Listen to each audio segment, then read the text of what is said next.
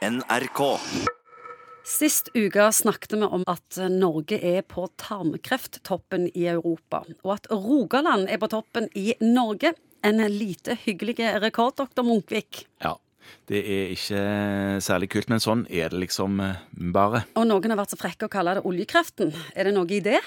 Det har nok med holdt jeg på å si, velstand å gjøre. Hvis velstand henger sammen med å spise mer rødt kjøtt, så kan jo det stemme. Først av alt, hvordan merker en at en har fått tarmkreft? Ja, Det er et veldig godt spørsmål. Eh, Det er jo ofte en vanskelig diagnose å knipe, fordi at man har diffuse mageplager. Vondt i siden der, eller under navlen. Og så spør du da ja, har det vært noen endring i avføringen. Ja, og så har det noen ganger det. Det, det endrer seg litt. De har tidvis litt av mørk avføring.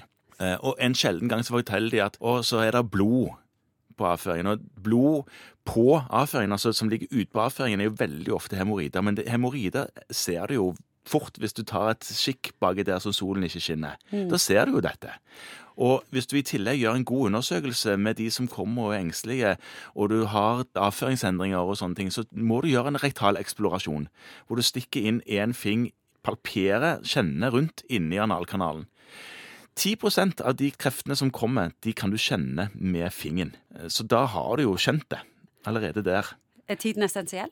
Ja, tiden er alltid essensiell når det gjelder kreft. Det er ikke sånn at det er på timen, men man bør ikke drøye der, der, der. Hvis man har endra avføringsmønster, man har ubehag, man kjenner seg slapp og sliten, for anemi kommer fordi man lekker blod. Hvis man i tillegg har en onkel på farssida som fikk eh, magekreft når han var 45, uavhengig av om du har spist rødt kjøtt eller ei, så burde du komme deg til lege og få sjekka det, sånn at du slipper å engste deg. Hva er forløpet videre når du kommer til lege, og hvordan behandler du? Forløpet da er jo at eh, vi gjør den undersøkelsen på kontoret som må gjøres, at man kjenner på magen, kjenner om det er noe som, noen kuler og klumper oppi der som ikke skal være der, kjenner med en fing bak, ta en hemoglobinprøve, som er en sånn prøve man tar på kontoret for å sjekke ut om man er anemisk, om man har lav blodprosent eller lavt hemoglobinnivå i blodet.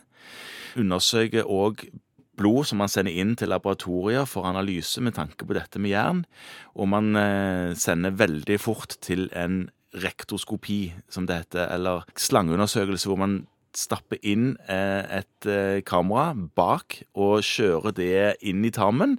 Det er noen krefttyper som du sier at du dør med, du dør ikke av. Men Ja. dette er en krefttype veldig mange dør av. Dette er en, en av de som tar liv, ja. Det er det. Hvis du overlever, hvordan kommer du ut på andre sida? Det er et godt spørsmål. Det er veldig avhengig av hvor den kreften som de fant, satt. Og sett at den forandringen var helt nederst. Den var så langt nede at du kjente den med fingeren.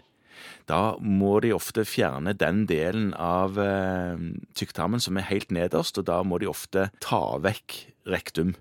Og da forsvinner på en måte utløpskanalen, og da må du ha pose på magen for å fange opp avføringen som er blitt produsert gjennom tarmsystemet. De som har dette her, kan leve helt normale liv selv med pose på magen, ja.